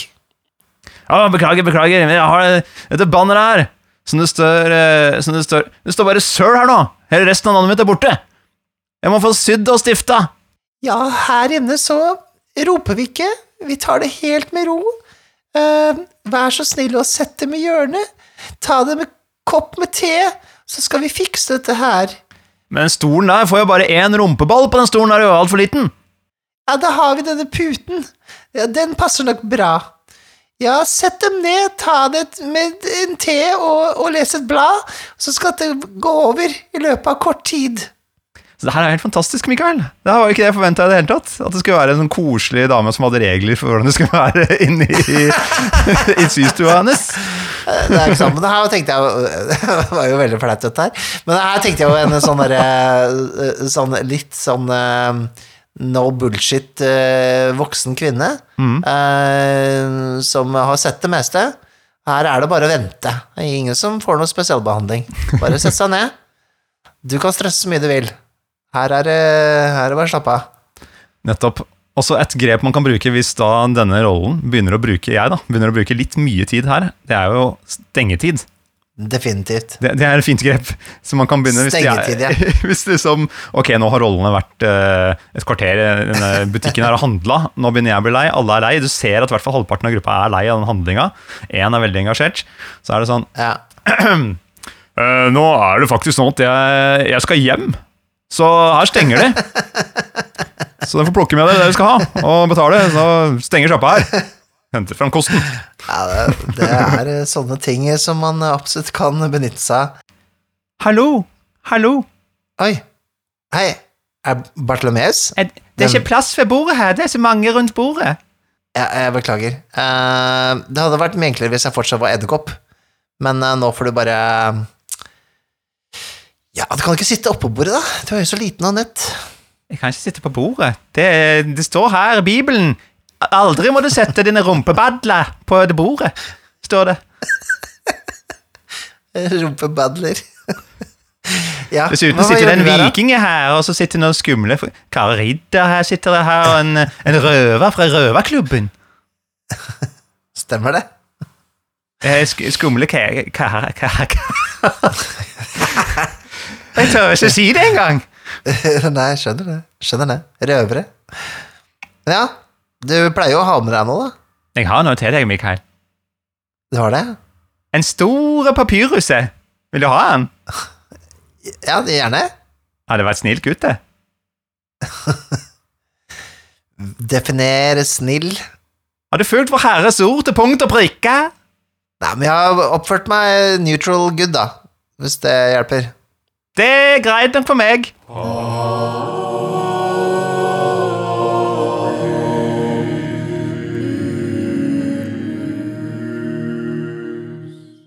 Her har du den! Å, shit! Det var en svær papyrus du fikk der, Mikael. Det var tung, ja. ja. Ja. Det, jo, det skal ganske mye tekst til for at det er en tung papyrus. Kan ikke du rulle den ut, da? Se hva det står. Å, det er veldig store bokstaver. Det er derfor. Det er derfor, ja. Det var ikke så mye som sto er skrevet av Thomas Celius Saldivar Pettersen. Igjen! Det er han som stiller åpne spørsmål på rollespill.info, det. Det er veldig mange store spørsmål fra den karen her, og nok en gang Så jeg vet jo han lytter på den podkasten her, så han eh, koser seg, han fryder seg nå. Men han er ikke patron. Kanskje vi bare ignorere hva han sier fremover. Skal vi se. Men uansett, her står det i store blokkbokstaver i rødt og blått og gull. Hva er dine rollespill guilty pleasures?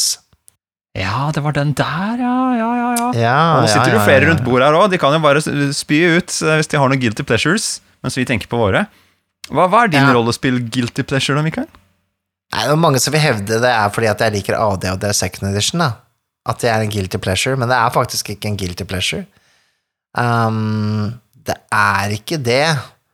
Hva er min Oi, shit, nå må jeg tenke! Jeg burde egentlig valgt det andre, hvilket spill passer best til der. Men ok. Guilty Har du noe? Nei, jeg, har- jeg svarte svart på kommentaren på rollespill.info. Eh, jeg, jeg føler ikke at jeg har så mange guilty pleasures, men jeg tror det må være at jeg prøver å snike inn uh, pappavitser der jeg kan. Ja. ja den er god.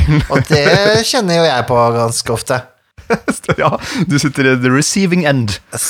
Sitter i hjørnet og cringer av og til, jeg. Det gjør det. det er ikke bra. Men det er, eh, det er en eh, glede. En sterk glede rundt å glede, få snekt sneket inn. Mm. Den ser jeg. Nei, guilty pleasure um, Jeg syns jo bare jeg spiller fete rollespill, jeg, da. Um, guilty pleasure Jeg tror Hvis det er noe, så er det på en måte at jeg eh, Og det er litt feil, for jeg begynner å bli litt lei. Og det at jeg er veldig glad i eh, OSR-spill, da. Det er en slags guilty pleasure i å kjøpe det jævla samme spillet gang på gang på gang på gang, med litt annen layout og litt annen kunst, og litt annen tekst. Ja. Bare sånn Oi, de har forandra den tabellen med et tall. Wow! Dette er øyeåpnende. Altså, jeg elsker OSR-spill, men det kan jo være veldig sånn eh, Jeg husker det uttrykket 'fantasy heartbreaker' eh, var en sånn greie. Og det er jo fortsatt en greie. Men, eh, men, men vi er liksom forbi fantasy heartbreaker-syndromet. Vi er langt inn i sånn derre Alle lager spill. Alle lager sin variant av det og det. Mm. Det er Sånn er det. Så hvis jeg har en guilty pleasure, kanskje det er for at jeg har så mange terninger, da. Det er, du er en slags guilty pleasure. Ja, det kan Hvis være. en sånn faktisk seriøs guilty pleasure. Jeg har jo altfor mange av dem. Ja. Og så dingse, sånn småtteri, småtterier. Dingsebomser. Ja. Det tror jeg kan være en sånn Ja. eh, Ja, sånne der, handouts og sånt noe, liksom. Sånne der, eh, Ja, taktile der- ting ved bordet. der- Der har jeg en Der eh, satt den, der satt den, der satt den. Lamineringsmaskin, Lamineringsmaskinen er din. laminering og klippe ut små ting. Printe og lage. Ja, det er litt fan av. Og så er det litt grann kleint som eh, 42 å sitte der og lage små leker. Eh, sånn er det bare. Det er litt guilty pleasure. Er det, det er greit. At ikke det er origami i hele huset ditt, det skjønner jeg ikke noe av. Litt guilty pleasure er det det. Mm, ja. Nei, for jeg syns ikke noen av spillene jeg spiller, er direkte guilty pleasures, altså. Men jeg, jeg tror jeg Jeg, jeg, jeg leste dette her um, uh, Og spilte det Shadow Dark, som er et kickstarter-spill, som er sånn dette er revolusjonerende! Dette Ja, ikke sant? Sånn Nok en dungeon crawler, da. Og det er jo sånn Fint spill, altså. Det er ikke det. Eh, Jeg tror mange kan digge det, men det er litt sånn derre Åh, jeg har fem andre sånne spill som gjør egentlig akkurat det samme. Det er bare sånn Jeg trenger vel egentlig ikke en til i hylla, på en måte. Så OSR er litt Det blir litt sånn, men det er litt, den der, det er litt sånn fristende, da, når du ser en, en, et, nytt et, og så er det sånn åh. Det er jo shiny, da. Det er jo det. Må jo ha det. litt, det Må sånn, ha det. Mikael. Ja, Nå er sånn. henger uh, Ole Peder ut sin bedre halvdel her og sier at uh, hun, uh, hennes guilty pleasure er å dra på live. men egentlig bare for å gå med ulltøy og lage mat over bålet. Det er det det, det er det det går i. Det er ikke så nøye med liven så lenge du kan spise litt bålmat og gå i ulltøy. ja, jeg syns det høres ut som en fin motivasjon, jeg. For å være litt en del av stemninga. Ja, drit i å spille rolle. Liksom. Og så er det Carlotto her sier eh, også at han er litt enig med deg, Mikael, virker det som. At eh, han liker den endeløse variasjonen av fantasyspill. Som blir, som blir som variasjoner på god øl eller vin. Får liksom ikke nok. Og det er jo, Ja. det er jo litt sånn du har med disse OSR-spillene. Og jeg kan, jeg kan skjønne det. bare, oh, liksom, Det er fantasy, men litt annerledes sånn. Og fantasy, men litt annerledes sånn. Og så egentlig alt man er på utkikk etter, er den gode følelsen. Som Ja, fantasy ikke gir. sant? Mm. Alle søker til den der originalfølelsen fra første gang du spilte DOD, ikke sant? Altså, Ja, ikke sant? Og var den egentlig bra? Ja, the chasing the Dragon, Chasing the Memories. Men altså, nostalgi er jo en ekte ting, og man kan jo liksom eh, kødde med det og si at ikke det er verdt noe sånt. Det er jo noen som forbanner nostalgien, men det har, det har en kraft. Og man kan jo gå litt meta på det og bare vite at det, ja, men den nostalgien har en, det er litt godt. Det gir en god følelse. Og det handler om en uskyldig tid, ikke sant? for man ikke hadde masse forpliktelser. Og sånt nå. Og det er jo en grunn til at jeg etter å ha solgt Hero Quest-spillet mitt, måtte kjøpe det tilbake. Og så glad jeg blir hver gang jeg ser på det i hylla, liksom. ikke nødvendigvis for at det er så jævlig bra spill, men det er sånn Nei, det er ikke så eh, gøy, fantasy, egentlig. og det er god stemning, da. Jeg føler at det er god stemning når det, når det er i hus. Tror jeg skal spille Hero Quest etterpå. Jeg faktisk har det som sånn eh, dataspill. Ja, men det er jo Det kan Nei. klippet! klippe ut. Fysj! Fysj! Ja, det. Nei! Du kan ikke spille det som dataspill! Er du gæren? Dette her tror jeg faktisk Det var flere som svarte. Um, eh, så bare ta det med fra Sir Gallerim her også. Mitt er å spille skikkelig regeltungt DODF 3.5 med epic level rollepersoner med masse sourcebooks som jeg stadig rakker ned på den type spill, og med masse husregler. Det er et helvete å stille, spille, men still. Mm. Ja, for det, det, det er litt sånn Men det har jeg tenkt litt på også. Eh, kanskje litt når det gjelder ADHD også. Jeg liker kanskje litt den der å utfordre meg selv, selv litt også, Mm. eh, med det. Ikke det at jeg syns ADHD er så veldig komplisert, egentlig, det er bare litt sånn misforstått. Um, så er det jo litt verre med taco enn eh, med, med, med bare en ren DC, da. Uansett åssen du vrir vender på det. Ja, men du får brukt alle de bøkene, da. Det er jo noe med det, ikke sant. Du, du har den bokhylla som er full av rollespill, da. Mens når du Mm. går all in og spiller den der gamle, regeltunge eh, greia, og, du tar frem Mm. alle disse bøkene, og det blas i, og liksom, eh, spillerne ser det også, og bare Å, shit, nå, nå bruker vi hele keyboardet her, liksom. Og alt i gang. Det her, å, nå, det her er jo helt rått. Man får liksom følelsen følelse at det er helt rått når man bruker alt. og så er det jo egentlig eh, jævlig eh, clunky og helvete, som man skriver. Ja, ikke sant. Ja. Men litt rått, da. Nei, vi har, eh, vi har vel alle noen guilty pleasures eh, der, eh, som ikke helt klarer å komme oss unna. Ja. Og så Vi må få med Ole Peder sin guilty pleasure, da, som er at han egentlig spiller mest for det sosiale. Mm. Og spiller masse tradd gørespill som man kanskje egentlig ikke liker, bare for å kunne spille litt rollespill med kamerater. Og det kjenner jeg meg også igjen i. At en stor del av det som er å invitere til rollespillkveld, er jo for å få hengt med folk. Fordi da har man en dato man forholder seg til, må komme, møte opp, og så får man hengt sammen, da.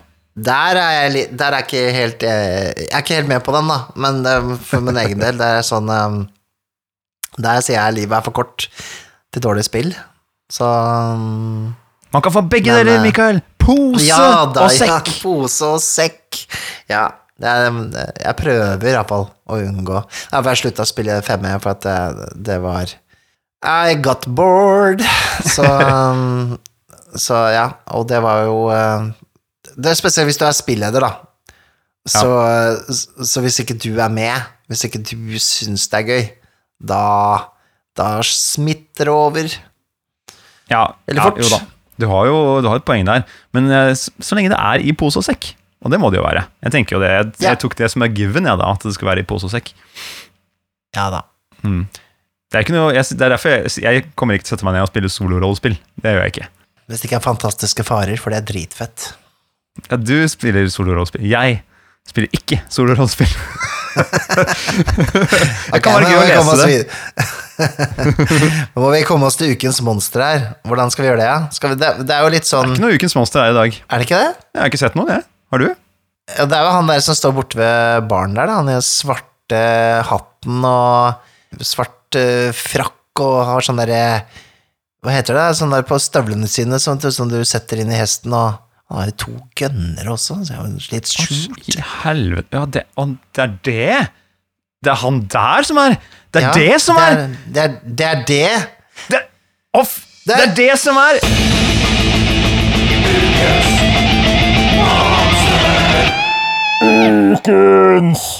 Hva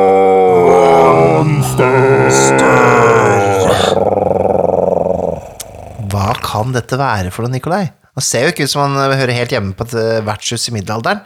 Det ser ut som en cowboy, spør du meg. Ja, det er på en måte det. Det er nemlig en Pinkerton-agent. Pinkerton? Det høres jo Det høres jo pysete ut, spør du meg. Ja, det er egentlig ikke så veldig pysete.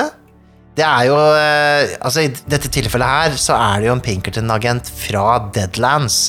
Og de er satt eh, for å eh, finne ut av litt eh, sånne merkelige ting som skjer med vanndøde og den slags, og ha litt sånne spennende dingsebomser som eh, hjernevasker folk og litt sånne ting, da.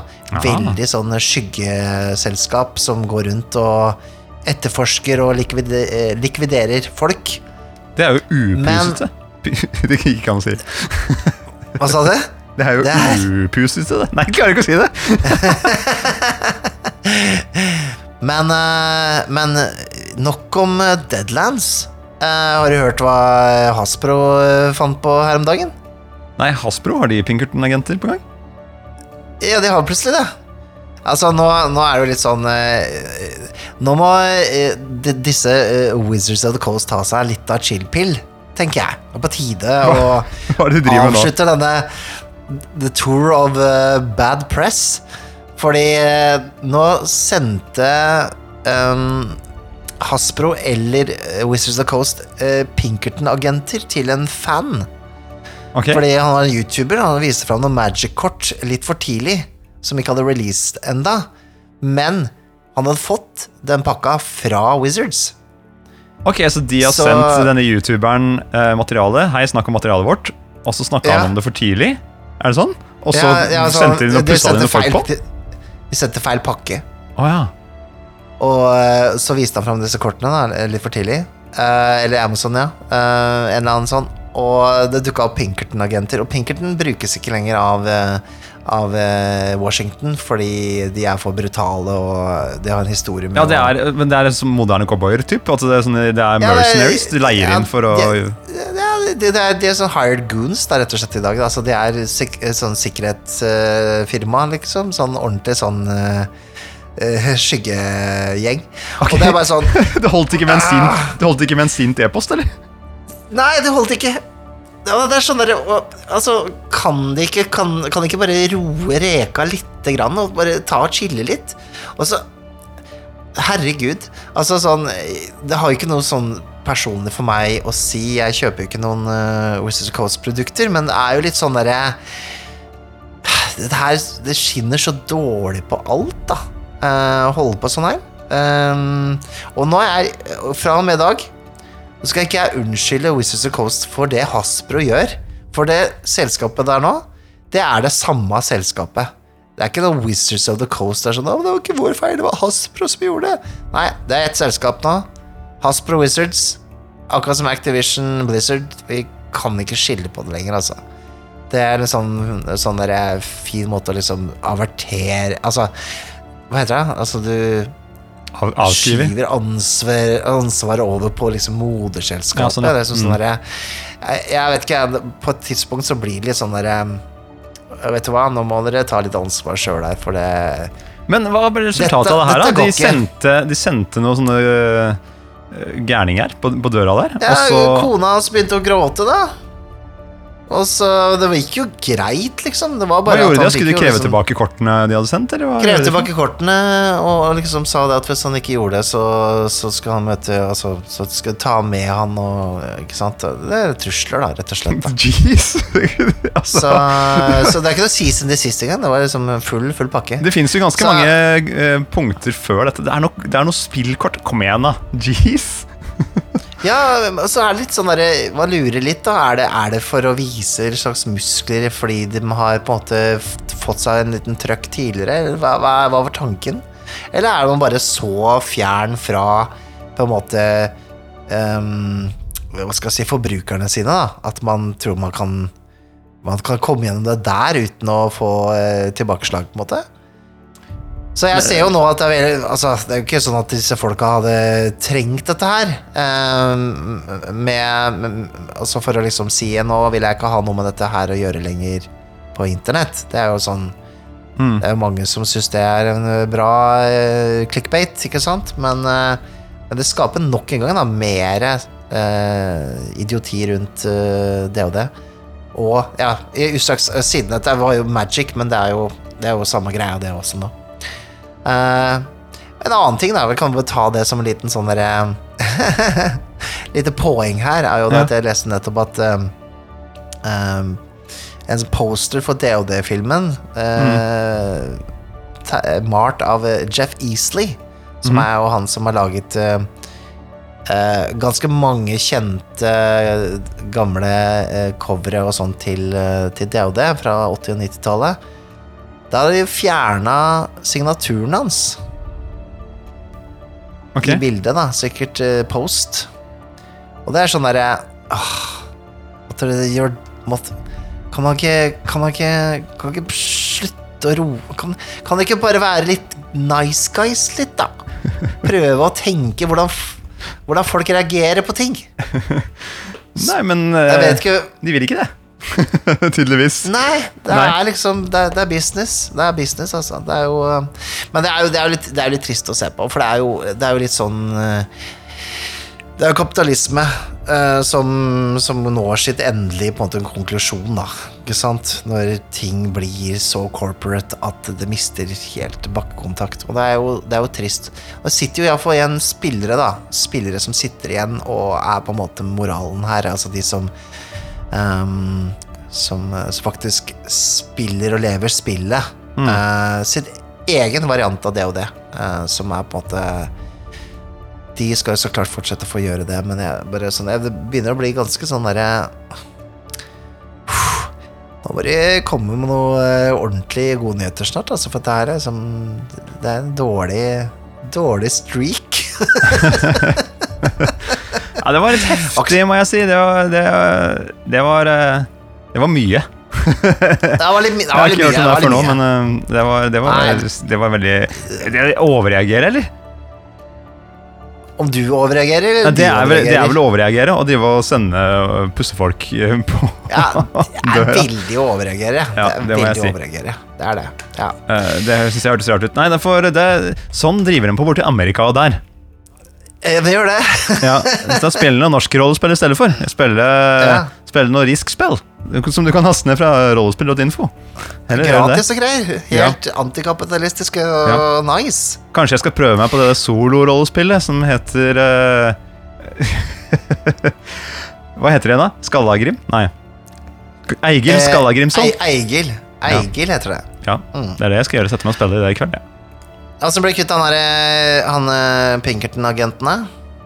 Jeg hørte de er skotske også. Altså det, er sånn, det kan hende vi kan eh, gjøre noe der. At hvis vi spiller eh, noe sekkepipe for de Ja, så kanskje det uh, hypnotiserer Pinkerton-agenten. Da kommer det flere, vet du. Da tror de at det her er sånn Ja, det der det er sant, det er. Pinkerton hangout. Kan eventuelt lage en sånn der det? En sånn eh, tog med Pinkerton-agenter og sende dem utover et stup, da. Ja, sender de på oppdrag, ja. Ja! Ja! Mm. Uh, hva skal vi gi dem for oppdrag, da? Du, eh, jeg har et oppdrag. Uh, og det er De liker jo ikke Hvis de er skotske, så kanskje de ikke liker engelsk, engelskmenn. Det tipper jeg. Ikke sant? Så Hey, Hey, you, Pinkerton agents. Hey, co come over here a little bit. Yes, yes, at our table. Nå kommer han, vet du. Nå kommer han. Hello. What's up? Men nå kan du We snakke have a med deg selv, da. Ja, Nei, nei, du er NPC-en. Jeg gir rollen over til deg. Jeg gidder ikke. Det er så, det er så stor ah. gruppe.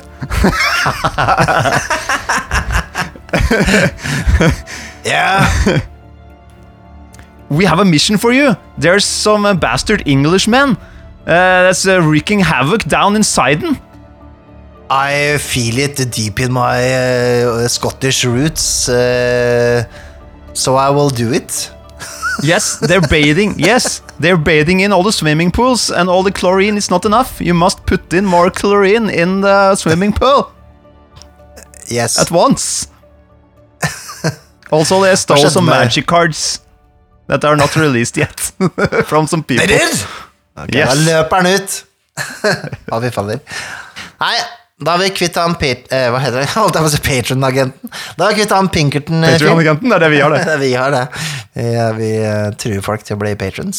Ja, det kan dere gjøre frivillig om dere vil, på www.patrion.com slash vertshuset. Kan ikke du si det, da? Fordi jeg fucka det opp. www.patreon.com skråstrek vertshuset. Og da kan du bli som Ja. en av de andre som sitter rundt bordet her sammen med oss nå. Carl Otto, Stig, Sir Gallerim og Olus Petrus. Woohoo! Woohoo, for en gjeng. det. Skåles, det, det, mjøden siver. Jeg ble st stressa, jeg. Men da tar vi litt nachspiel på vertshuset, da. Eh, men da trenger vi nachspielmusikk. Ja, det må Eh, jeg ha. kan, kan, eh, er Roland her nå, eller? Ja, han, jeg har ikke sett han. Får rope på han. Han er jo en MPC, så jeg håper det. Roland! Skal jeg aldri få fred? Kan ikke du spille litt uh, nachspiel-låt for oss? da? Litt sånn chill-out uh, uh, sånn, Litt sånn, vet du, den derre lofi hiphop-greia? Jeg spiller aldri lo-fi hiphop, jeg spiller bare Jeg er finsk fortsatt! Fortfarande finsk! Hva er det som har hendt med meg? Hvorfor har de gjort det her med meg? Jeg vil ikke være så her! Helvete heller, perkele fan! Jeg håper du har det i fingra fortsatt. Jeg skal spille det jeg bruker spille. Takk for meg. Her kommer det.